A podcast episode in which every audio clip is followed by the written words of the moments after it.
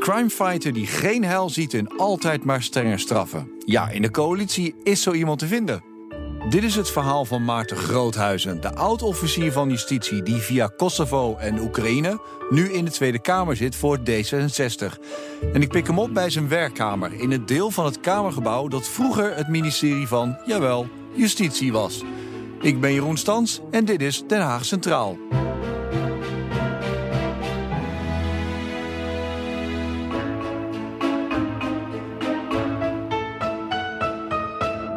Nou, het is natuurlijk een prachtig pand uh, om te zien. Uh, veel historie zit daarin. Uh, handelingenkamer, waar we nu ongeveer langs lopen, is natuurlijk helemaal een mooi voorbeeld. Tegelijkertijd zeg ik ook bij, het is niet een heel gebruiksvriendelijk pand om in te werken. In de zomer is het, is het echt bloedheet. nou, de winter heb ik daar nooit zoveel last van. het behang springt van de muur, dus het is wel hoog tijd aan een, voor een opknap- en moderniseringsbeurt. Maarten Groothuizen, je bent Kamerlid voor of van D66? Ik weet het nooit zo goed. Ben je dan van of voor eigenlijk? Ik ben voor D66 eh, Kamerlid inderdaad. Ja. Maar waarom ik het ook vroeg, heb je iets met dit pand? Dit, dit is het oude justitiepand. En in jouw vorige leven was je officier van justitie. Kriebelt het dan ergens? Denk je, wauw, wat, wat een geschiedenis loop ik dan in rond? Nou, dat, dat, is misschien wat overdreven, maar het is natuurlijk wel leuk om dat uh, te beseffen. Uh, maar als officier uh, was ik natuurlijk vooral in zittingzalen en op, op plekken waar misdaden gepleegd waren actief met onderzoeken bezig. dus ik denk in die zin dat, dat rechtbanken en rechtszalen dat, dat meer doen kriebelen, toch? Ja, dit, dit heeft misschien iets, als we hier de trap afgaan, iets meer oude grandeur nog. Dus dit is gebouwd in de, in de wat is het, 19e eeuw? Ja, dat denk ik, ja. Dit pand. rijk gedecoreerd.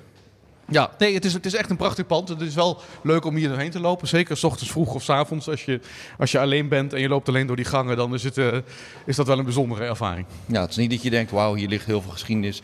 Dit doet mij iets als, als oud-officier van justitie. Ik bedoel, in, in de gevel van dit oude pand zitten ook de portretten van uh, zes uh, rechtsgeleerden, onder wie Torberken. Kijk. Dat wist ik niet. Dat is nieuw voor mij. Dus dat is wel een, leuke, dat is een, is een leuk weetje. Ja, ik, ik moest ook wel meteen aan dit pand denken. Uh, want je zei net, het behang springt hier van de, van de muren. Ja, het is een prachtig pand. Maar we zien met z'n allen heel veel, heel veel langer natuurlijk dat het aan onderhoud toe is. Dat gaat ook gebeuren. Toen dacht ik, nou ja, voor iemand die altijd opkomt voor de rechtsstaat... ligt daar misschien nog een mooi dwarsverband? Moet je even toelichten. Nou, hier, hier is uh, nodig onderhoud uh, nodig. Ah. Uh, je maakt je wat druk af en toe om, om de wat rechtse koers die door door Nederland waait? Ja, nou ja, ik maak me vooral. Uh, uh, ik, ik, kom dus heel erg uit de praktijk. Ik ben twaalf jaar officier van justitie geweest. En als daar één ding is wat ik geleerd heb, is dat het strafrecht niet een geweldig middel is om je maatschappij mee te ordenen. Het strafrecht hebben we absoluut nodig als mensen eh, de fout ingaan en, en normen die we heel belangrijk vinden overtreden. maar het is meestal reactief. Hè. Strafrecht is eigenlijk altijd achteraf. En het blijkt ook, uh, het is sowieso heel ingewikkeld om menselijk gedrag te, te sturen. Maar uh, om dat via strafrecht te doen, laat eigenlijk alle onderzoeken wel zien. En eigenlijk iedereen die in de praktijk werkt, weet wel dat dat heel ingewikkeld is. Toch is het vertrouwen in het strafrecht hier uh, in dit gebouw is heel groot. Hè. Politici zouden van links en rechts graag het strafrecht inzetten om allerlei problemen op te lossen. En daar verbaas ik me wel eens over. Uh, uh, over die, die maakbaarheidsgedachte die daar uitspreekt. Maar ook wel over het gemak waarmee uh, dan nou ja, sommige regels en beginselen overboord worden gezet. Ja, zullen ondertussen even... Want ik dacht, laten we naar buiten gaan even voor koffie. Maar dan komen we bij het vaste ritueel. Dan moet ik even jouw microfoon overnemen, want we gaan door een poortje heen. En dat past niet met de tweeën.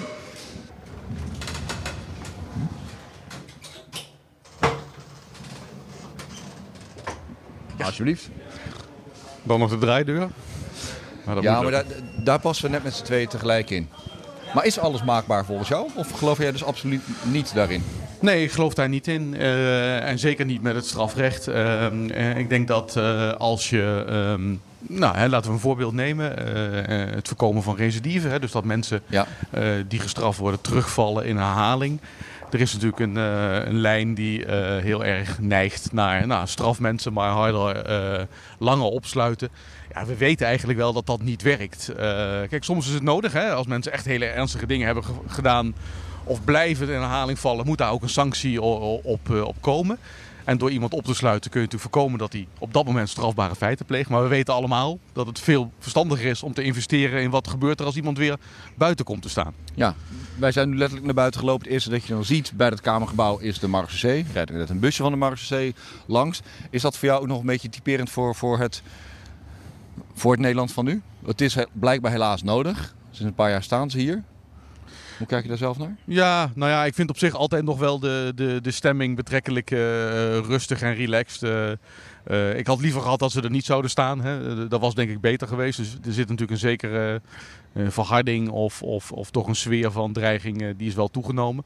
Maar goed, ik zie nog steeds gelukkig mensen betrekkelijk onbe, onbezonnen, of dat is niet het goede woord, on, onbezorgd, denk onbezorgd naar binnen en naar buiten lopen. Ja. en dat is heel fijn en ik hoop dat we dat kunnen vasthouden. Ja. We lopen nu trouwens naar links, maar volgens mij aan de rechterkant, op die gevel daar, zouden volgens mij nog die portretten moeten staan. Maar misschien nog een keertje eh, om naar te kijken. Laten we hier het plein oplopen, als we dan toch even koffie willen gaan halen. Maar als officier van justitie, zei je, was ik een man van de, van de praktijk. Misschien trap ik een enorme open deur in hoor, of bevestig ik juist een, eh, een vooroordeel. Maar, maar wat brengt dan officier van justitie dan naar de Tweede Kamer voor D66? Nou, ik denk juist um, wat werkt in de praktijk, wat werkt er niet. Wat zijn uh, de problemen waar, uh, waar we tegenaan lopen, waar je hier wat aan zou kunnen, zou kunnen doen. Ik zei al, ik, zie een hele uh, grote neiging om het over straffen te hebben in, in de Tweede Kamer. terwijl mijn idee uit die 12 jaar als officier is dat straffen eigenlijk helemaal niet zo verschrikkelijk interessant is. Hè. Kijk, als je Kijk, politiek gezien is het hartstikke interessant. Ja, en dat, het dat, zo lekker ook. Het bekt zo lekker, maar dat is precies volgens mij het probleem. Het lost niet zo heel veel op. En dat is toch volgens mij waarom uh, mensen over het algemeen in de politiek gaan. Hè, zodat de samenleving er beter van wordt. Zodat we er iets aan hebben. En dan denk ik dat, uh, hè, dan, dan, kun je volgens mij twee problemen uh, zien, denk ik, in, in, in het strafrecht. Uh, aan de voorkant is dat, doen we wel voldoende om strafbare feiten echt op, op te sporen? Nou, als je dan een beetje kijkt, dan zie je dat bij de ernstige delicten de resultaten best wel, best wel goed zijn. Hè. Uh, gelukkig worden uh, moord, doodslag, uh, ernstige geweldsdelicten best wel vaak opgespoord. Maar zeker delicten als ehm, diefstallen bijvoorbeeld in woningen, waar toch de meeste mensen heel veel last van hebben. Hè. Dat zijn natuurlijk de delicten waar de meeste mensen mee te maken hebben in hun leven. Nou ja, dat is ongeveer een ophelderingspercentage van 10%. Dat is natuurlijk echt heel erg, heel erg weinig. Uh, en ik denk dat juist daar de politiek uh, het over zou moeten hebben. Uh, hoe zouden we dat kunnen vergroten? Hoe kunnen we ervoor zorgen dat onze politie en onze opsporing beter functioneert, effectiever is, meer zaken op. maar, maar zat je dan op een gegeven moment gewoon echt in, in de zaal, af en toe bij zaken, dat je dacht: ja, ik zit nu als officier van justitie, maar misschien moet ik het dus aan de andere kant gaan proberen in de politiek? Nou ja, ik had dacht wel, um, ik zie dingen uh, die, die misgaan en die structureel misgaan, of die in ieder geval beter, uh, beter kunnen. Uh, en, en het lukt niet meer om in mijn huidige functie om dat, om dat opgelost te krijgen.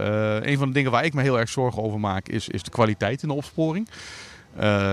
onze politie doet echt heel goed werk. en er worden hele mooie onderzoeken gedaan, ook hele creatieve. Maar op een uh, basisniveau is de kwaliteit soms echt wel een probleem. Hè? Dus de politie schrijft natuurlijk heel veel uh, van wat ze aan onderzoek doen op in de processen verbaal. Ja. En nou ja, daar, daar weet iedereen in de praktijk, officieren, rechters, advocaten, dat daar vaak het nodige aan schort. Kost heel veel tijd om dat te herstellen. Uh, leidt tot heel veel vertraging. Uh, ja, daar moeten we echt iets aan doen. En dan moet je dus die hele opsporing moet je veranderen. Je zult uh, dat oude beeld van de politie die achter een heroïne-junk aanging, dat is natuurlijk heel erg aan het, uh, aan het veranderen. Onze criminaliteit verandert. Veel meer dingen gaan digitaal. Financieel-economisch criminaliteit of financieel-economisch opsporen is veel maar, belangrijker geworden. En dat maar vereist je, maar andere maak, vaardigheden. Ja, maar dan maak je nogal een overstap natuurlijk.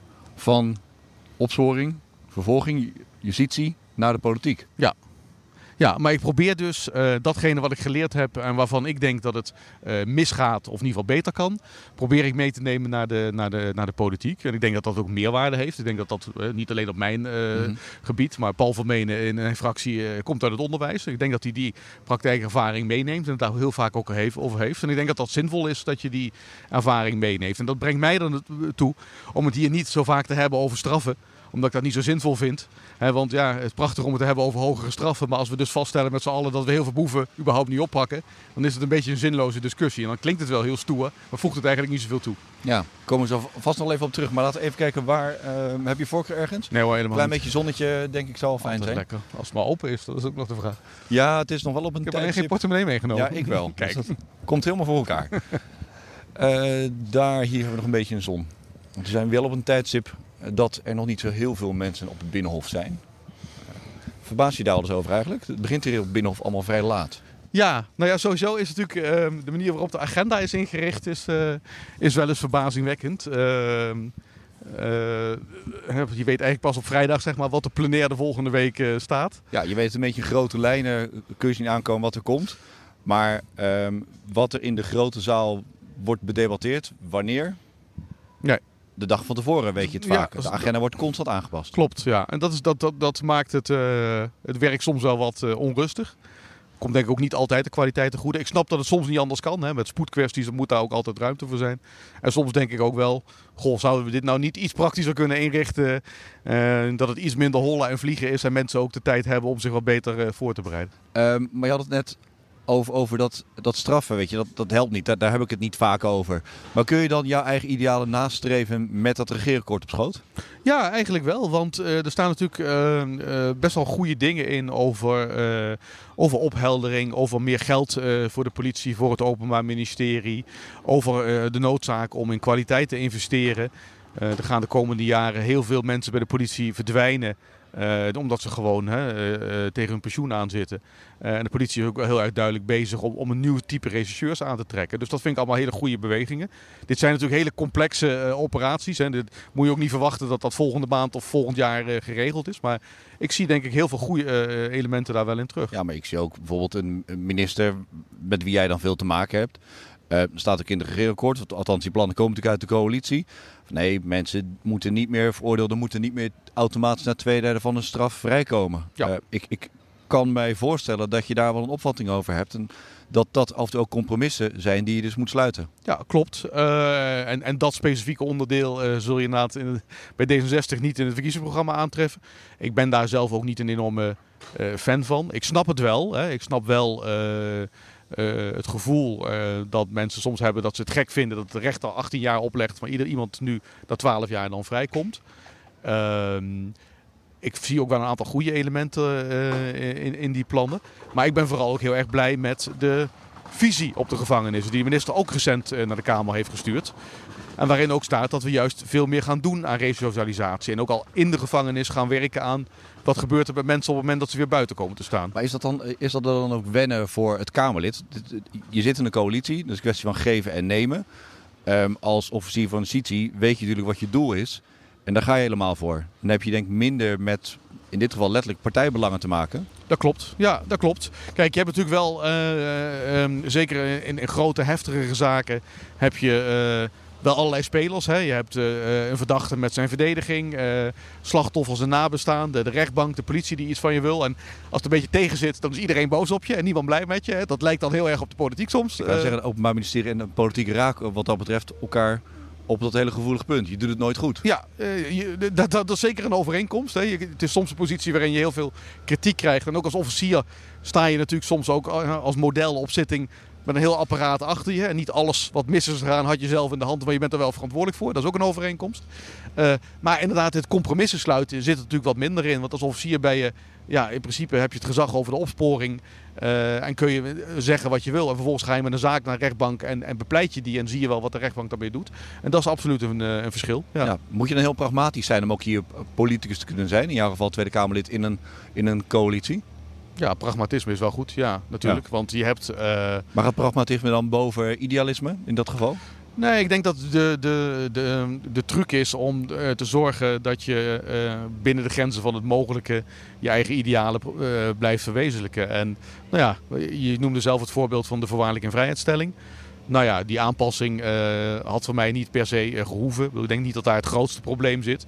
Maar uh, ik, ik, snap de beweegredenen van andere partijen. Dat is volgens mij ook altijd wel belangrijk. Dat je ook snapt waar andere partijen vandaan komen. En ik zie tegelijkertijd dat uh, in de aandacht voor resocialisatie en het terugdringen van recidieven... zie ik wel weer heel veel elementen terug uh, die ik heel belangrijk vind. Ja, en daar zit dan het compromis in. Maar waar ik me vaak over verbaas hier, als dan een compromis moet worden bereikt... ik denk dat vrijwel iedereen zal snappen, zal begrijpen dat als je met vier partijen in een coalitie zit... dan moet je compromissen sluiten. Maar als je dan daarnaar vraagt dat er af en toe zo vreemd wordt gereageerd. Van weet je, ja, maar dat is toch allemaal niet zo. maar het, ont, het ontkennen van, van de waarheid. zie je dat zelf ook af en toe? Dat het heel moeilijk, dat heel moeilijk over wordt gedaan om gewoon te kunnen vertellen... ja mensen, we hebben gewoon een compromis moeten sluiten. Dat hoort er namelijk af en toe gewoon bij. Ja, dat zie ik soms inderdaad ook wel. Uh, ik denk dat het een beetje komt omdat op de een of andere manier... het sluiten van een compromis een beetje besmet is geworden. Dat mensen dat zijn gaan zien als een, als een soort nederlaag. Uh, terwijl volgens mij het een... Uh, ja, eigenlijk misschien wel een heel mooi onderdeel is van hoe een democratie werkt. Eh, eh, en dat is ook wel, wel leuk, vind ik hier in Den Haag. Dat eh, dingen die ik vanzelfsprekend vind, als ik praat met mijn collega-woordvoerders, dat ze dat soms helemaal niet vinden. En dat ik dan eens denk, oh ja, daar had ik eigenlijk nooit tegen aangekeken. En dat maakt ook, denk ik, dat je, dat je naar elkaar toe op kunt schuiven. En kunt denken van, nou ja, ik, heb, ik snap ehm, jouw kritiek op dit punt. maar ik heb ook mijn eigen wensen. Laten we eens kijken waar we daar iets aan kunnen doen. Dus ja, ik vind eigenlijk dat we als politiek ook gewoon voor het compromis moeten staan. Want het compromis is helemaal niet, is helemaal niet verkeerd. En doet denk ik recht aan verschillende belangen. Terwijl we hier nu een tijdje zitten, zit ik een minuut te bedenken. Volgens mij is het op het vreselijk ver- verkeerde terras. Want hier zie ik dus niemand lopen. Maar hiernaast wel. Ik weet niet. Nou, laten we er eentje opschuiven dan. Volgens mij zou die koffie nog steeds welkom zijn. Maar het is hartstikke fijn dat we hier kunnen zitten. Maar eh, als we. daar? Die lijkt Laten we daarin gaan. Ja, die is in ieder geval ook open. Laten we daar even heen lopen. Het moet gewoon wel lukken, zou ik zeggen, om 's ochtends gewoon een koffie te kunnen Ja, te het, krijgen. Hier. eh, Laten we die hier... eh, Zo, eh, deze? herkansing. Ja, hebben we nog een beetje zonnetje erbij. Heel goed. De vrachtwagen op de achtergrond die voor de bevoorrading rond, heb je komt. geen last van? Nee, dat, eh, het hoort er allemaal bij. Hè? Een beetje leven hier in, in, Den Haag. Wat mij trouwens nog bij jou zelf opvalt, als je het hebt over dingen kunnen verantwoorden en uitleggen waarom je compromis eh, moet sluiten. Er is online eigenlijk heel erg weinig over jou te vinden. Alles gaat over werk, maar over wie nou Maarten Groothuizen verder is, heel weinig. Is dat een hele bewuste keuze van je geweest? Nou, heel bewust is misschien overdreven, maar ik denk wel, zeker toen ik eh, als officier werkte, eh, vond ik het niet per definitie heel handig om heel veel van mezelf eh, op, op internet te publiceren. Ik bedoel, het is ook wel eens voorgekomen dat ik bedreigd ben of dat er uit het milieu nare dingen werden gezegd. Dus dan nou ja, probeer je jezelf toch een beetje, een beetje af te schermen. Eh, ik ben op sociale media ook alleen actief, actief op Twitter, eh, niet op andere. Dus dat zal misschien ook een verklaring eh, daarvoor vormen. Ja, en ik vind op zich ook, ik vind het belangrijker wat mijn standpunten zijn en, en, en wat ik in de politiek wil bereiken dan wat mijn persoon is. bedreigingen had je het over. Ik zit meteen te denken, dat, dat is ook weer zo'n overeenkomst dan met wat je hier ziet en hoort. Ik hoor van Kamerleden ook die zeggen, ik ben met de dood bedreigd. Ja. Ehm, zou strenge straffen daar dan niet helpen? Nou ja, Om wederom, gewoon eens... je moet dan eerst eh, de mensen weten te vinden die het, eh, die het doen, eh, want anders dan heeft dat niet zoveel zin. Ik denk dat bedreigingen ook, ook uit verschillende hoeken komen. Soms is het ook gewoon mensen die ja, zich laten meeslepen in de emotie en dingen roepen die ze niet moeten roepen. dus of, of mensen dan heel erg bewust na gaan denken van hé, hey, nu is de straf verdubbeld, ik ga dat niet meer roepen. Dat is denk ik ernstig de vraag. Ja, maar, Maar het is natuurlijk wel vervelend en, en je kunt daar ook wel last van hebben. Kijk, als officier van justitie zou je nog kunnen zeggen... eh, nou ja, je hebt te maken met criminaliteit. eh, dat zijn niet mensen die zich nou eenmaal niet altijd aan onze eh, regels houden. Want daarom zitten we erachteraan. Misschien is het een beetje onderdeel van het werk. Maar in de politiek vind ik dat toch wel anders. En is het wel heel kwalijk als, als mensen bedreigd worden om wat ze zeggen. maar ik zou nog denken, als je niet zo goed nadenkt over wat je zegt en dan bedreigt, is dat niet nog veel erger? Dat het je blijkbaar zo makkelijk afgaat als je gewoon iemand met de dood bedreigt? Nee, dat klopt. Het is eh, zeker veel erger. Maar eh, het was meer een reactie op jouw vraag. Helpen straffen daarbij? En ik denk dat eh, hogere straffen alleen helpen bij het voorkomen. Op het moment dat mensen rationeel nadenken over... hé, hey, ik, ik loop een groter risico. En ja, als dat niet het geval is, dan zullen mensen daar niet zoveel doen. Op dezelfde manier denk ik ook dat... ehm, ja, we weten dat natuurlijk in het uitgaansleven het nodige misgaat. Eh, vaak is dat dat mensen eh, te veel gedronken hebben of iets anders hebben gebruikt. Ja. Een eh, cappuccino alsjeblieft. Een cappuccino en een eh, thee graag. Thee? Een thee graag, ja. About what green please. green? Dus als, als dat erachter zit, als mensen gewoon eh, met elkaar op de vuist gaan omdat ze te veel gedronken hebben, dat, dat maakt het niet goed. Ja. Alleen ik denk dan niet dat eh, mensen er nog heel erg over bij nadenken van hé, hey, de politiek heeft het straf verhoogd. Ja, Dus het gaat punt. meer om de, eh, de effectiviteit.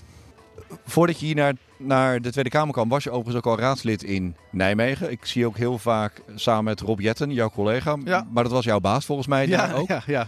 Rob Jetten is volgens mij ook wel iets jonger, die is 30 of zo. ja, het is tien jaar jonger. Ja. Ja, ehm, je kwam samen hierheen. Maar ondertussen ben je ook nog eh, voor de Europese Unie op pad geweest. ja, klopt. Ik heb eh, zowel in Kosovo als in Oekraïne gewerkt voor de Europese Unie. Wat deed je daar? In Kosovo was ik echt officier van justitie en deed ik zaken. Dat is een, eh, een bijzondere constructie. Maar in, in Kosovo zit een Europese missie die echt uitvoerende dingen doet. Dus daar zitten politieagenten, officieren, rechters. uit Europa die daar volgens Kosovaarsrecht uh, hun zaken doen. Want die hebben ze daar zelf niet of nauwelijks? Nou ja, uh, die hebben ze wel. Alleen het is wel een ingewikkeld land. en sommige type zaken willen of kunnen ze eigenlijk niet goed oppakken. Denk aan corruptie. Maar denk ook aan oorlogsmisdrijven hè, uit de periode 99. En ik hield mij vooral bezig met, uh, met corruptie en dat soort zaken. Onder andere een zaak gedaan tegen voormalig president van de rechtbank in de hoofdstad. Ja, en dat, dat is dan... In de, de voormalig president van, van de, de recht... rechtbank stond voor ja, daar heb ik een onderzoek tegen gedaan. Okay. strafrechtelijk onderzoek wegens nou ja, machtmisbruik, corruptie, hoe je het noemen wil. Ehm, dan gaat het in Nederland eigenlijk nog best, best wel prima. Als je het uh, vergelijkt met uh, wat in dat soort landen gebeurt, dan, dan, dan gaat het inderdaad prima. En dat, dat vergeten we denk ik wel eens. Uh, hoe goed het is en hoe goed we het hier geregeld hebben. Ehm, maar goed, dat was wel heel, heel erg leerzaam op verschillende manieren. Omdat je leert werken in een ander systeem. en ziet wat daar de problemen zijn. en ook wel in aanraking komt met, met andere manieren om naar het recht te kijken. Maar zijn dat dan dingen die je daar in Kosovo op hebt gestoken, uh, die je bij zijn gebleven, waarvan je juist denkt, nou kijk eens hoe goed we het hier hebben. Je ging, je ging, naar Oekraïne ook, um, voor een soort gelijke missie. Ja, in Oekraïne, Oekraïne, was ik adviseur. Dat is ook een Europese missie, maar dan echt een adviesmissie. En ik adviseerde daar het Oekraïense Openbaar Ministerie, uh, vooral op het gebied van uh, financieel-economische criminaliteit. Oekraïne heeft misschien nog wel veel meer dan Kosovo echt een enorm corruptieprobleem. en je ziet dat mensen daar heel veel geld mee verdienen. Dat is ook tamelijk evident. Uh, bedoel, dat, dat, zie je gewoon overal op straat. En toch slagen ze er eigenlijk niet in om dat uh, goed aan te pakken. En ik heb geprobeerd daar uh, een bijdrage aan te leveren door uit te leggen hoe wij hier omgaan met dingen als witwassen, ontnemingsvorderingen en dat soort, dat soort zaken. en dat vond ik heel leuk om te doen. En vooral om te werken met, met vaak jonge officieren die hun land echt willen veranderen. Maar wel aanlopen tegen allerlei problemen, uh, praktische problemen, niet zo goed weten hoe. Heel veel tegenwerking natuurlijk ook vaak krijgen. Hè? Want uh, uh, nou ja, een deel van de politici in Oekraïne heeft zelf natuurlijk ladings boter op het hoofd. Dus die zijn helemaal niet geïnteresseerd in verandering. Dus dat is, dat is heel ingewikkeld. Maar ja, ik, ik heb daar veel van geleerd. En vooral inderdaad ook in de zin van hoe ontzettend goed we het in Nederland hebben. Hoe goed het eigenlijk is geregeld. Hoe uh, betrokken heel veel mensen zijn en proberen het land elke dag weer een stapje vooruit uh, te brengen. Uh, en dat relativeert het geklaag waar we in Nederland wel eens last van hebben erg. Maar ben je dan een ontzettende wereldverbeteraar? Of kijk, je, kijk jouw vrienden je bijvoorbeeld ook zo aan? Dat je dus naar Kosovo en Oekraïne moet gaan om daar het beter te maken, hier in de Tweede Kamer ook. Dat deed je ook als officier, of, als officier van justitie natuurlijk ook al. Ik weet niet of ze zo naar me kijken. Ik zou dat eens moeten vragen. Uh, nee, ik vind, het, ik, vind wel dat ik een plicht heb om... Uh, ik heb heel veel geluk gehad in mijn leven, kunnen studeren, uh, altijd interessant, leuk werk gehad. En ik vind dat je dan ook een plicht hebt om iets terug te doen en, en proberen mensen te helpen waar dat, waar dat kan. Tegelijkertijd ga ik ook niet, ehm, dat moet je ook niet doen, naïef naar zo'n land. Hè. De, uh, Oekraïne is een buitengewoon complex land met een lange communistische geschiedenis. Een corrupte overheid en politiek. Veel te nauwe banden met zakenlieden. Je moet daar niet heen gaan in de verwachting dat jij alles even anders gaat doen. het is echt zoeken naar, naar de kleine bijdragers die je kunt, die je kunt leveren. Uh, mensen die je met elkaar in verbinding kunt brengen.